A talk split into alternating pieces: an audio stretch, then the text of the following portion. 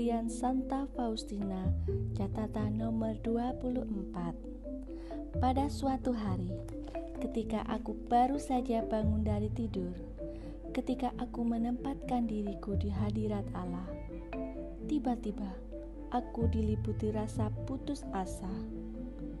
Kegelapan yang pekat menyelimuti jiwaku. Aku bergulat setengah mati sampai siang hari Sesudah tengah hari, ketakutan-ketakutan yang sungguh mengerikan mulai mencekam diriku.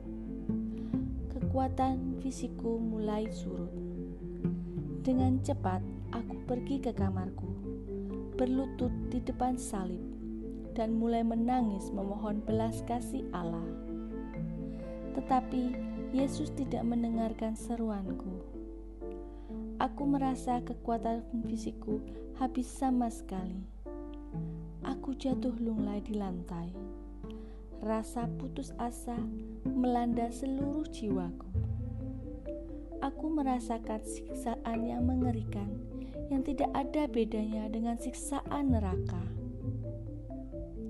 Tiga perempat jam aku berada dalam situasi seperti itu. Aku ingin pergi dan bertemu dengan mudar pembimbing. Tetapi aku terlalu lemah.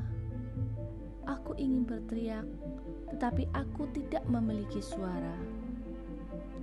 Untunglah salah seorang suster masuk ke kamarku. Mendapati aku dalam keadaan aneh seperti itu, ia langsung memberitahu mudar pembimbing. Seketika itu juga mudar datang Begitu masuk ke kamarku, ia berkata, "Demi ketaatan suci, bangkitlah dari lantai." Sekonyong-konyong, suatu kekuatan membangkitkan aku dari lantai, dan aku berdiri tegak dekat dengan mudar pembimbing. Dengan kata-kata yang ramah, mudar mulai menjelaskan kepadaku, "Ini adalah cobaan yang diberikan kepadaku oleh Allah." Katanya, Percayalah dengan teguh, Allah itu senantiasa Bapa kita walaupun ia menguji. Aku kembali melaksanakan tugas-tugasku seolah-olah aku telah keluar dari kubur. Perasaanku diliputi dengan apa yang telah dialami oleh jiwaku. Dalam ibadat sore, jiwaku mengalami sakratul maut lagi dalam kegelapan pekat yang mengerikan. Aku merasa bahwa aku berada dalam kuasa Allah yang adil dan menjadi sasaran amarahnya. Pada saat yang mengerikan itu, aku berkata kepada Allah, Yesus, dalam Injil engkau menyamakan dirimu dengan seorang ibu yang penuh kasih. Aku percaya akan sabdamu, sebab engkaulah kebenaran dan kehidupan. Apa pun juga yang terjadi ya Yesus, aku mengandalkan Engkau. Meskipun dalam hatiku berkecamuk perasaan yang bertentangan dengan pengharapan. Lakukanlah apa yang ingin kau lakukan terhadapku. Aku tidak pernah akan meninggalkan engkau, sebab engkaulah sumber hidupku. Hanya orang yang pernah mengalami saat-saat serupa itu dapat memahami betapa mengerikan siksaan jiwa seperti ini. Catatan harian nomor 25 Pada malam hari, Bunda Allah mengunjungi aku sambil membopong bayi Yesus.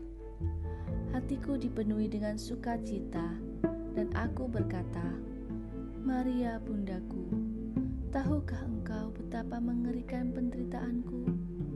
Dan bunda Allah menjawab, Aku tahu betapa banyak kamu menderita, tetapi janganlah takut. Aku ikut menanggung penderitaanmu, dan aku akan selalu berbuat demikian. Ia tersenyum ramah, lalu menghilang. Seketika itu juga, kekuatan dan keberanian yang besar muncul dalam jiwaku. tetapi itu hanya berlangsung satu hari. Tampaknya neraka sudah bersekongkol melawan aku.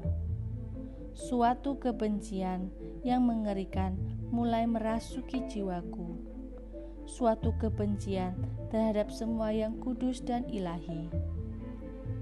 Aku merasakan bahwa siksaan rohani ini akan menjadi bagianku selama sisa hidupku. Aku kembali menghadap sakramen Maha Kudus dan berkata kepada Yesus, "Yesus mempelai jiwaku. Tidakkah engkau melihat bahwa jiwaku sedang setengah mati merindukan engkau?" Bagaimana mungkin engkau menyembunyikan diri dari hati yang sedemikian tulus mencintai engkau? Ampunilah aku ya Yesus, kiranya kehendak kudusmu terjadi atas diriku. Aku akan mendanggung penderitaan ini dengan diam seperti merpati, tanpa mengeluh. Aku sama sekali tidak akan membiarkan hatiku menyerukan keluh kesah yang menyedihkan.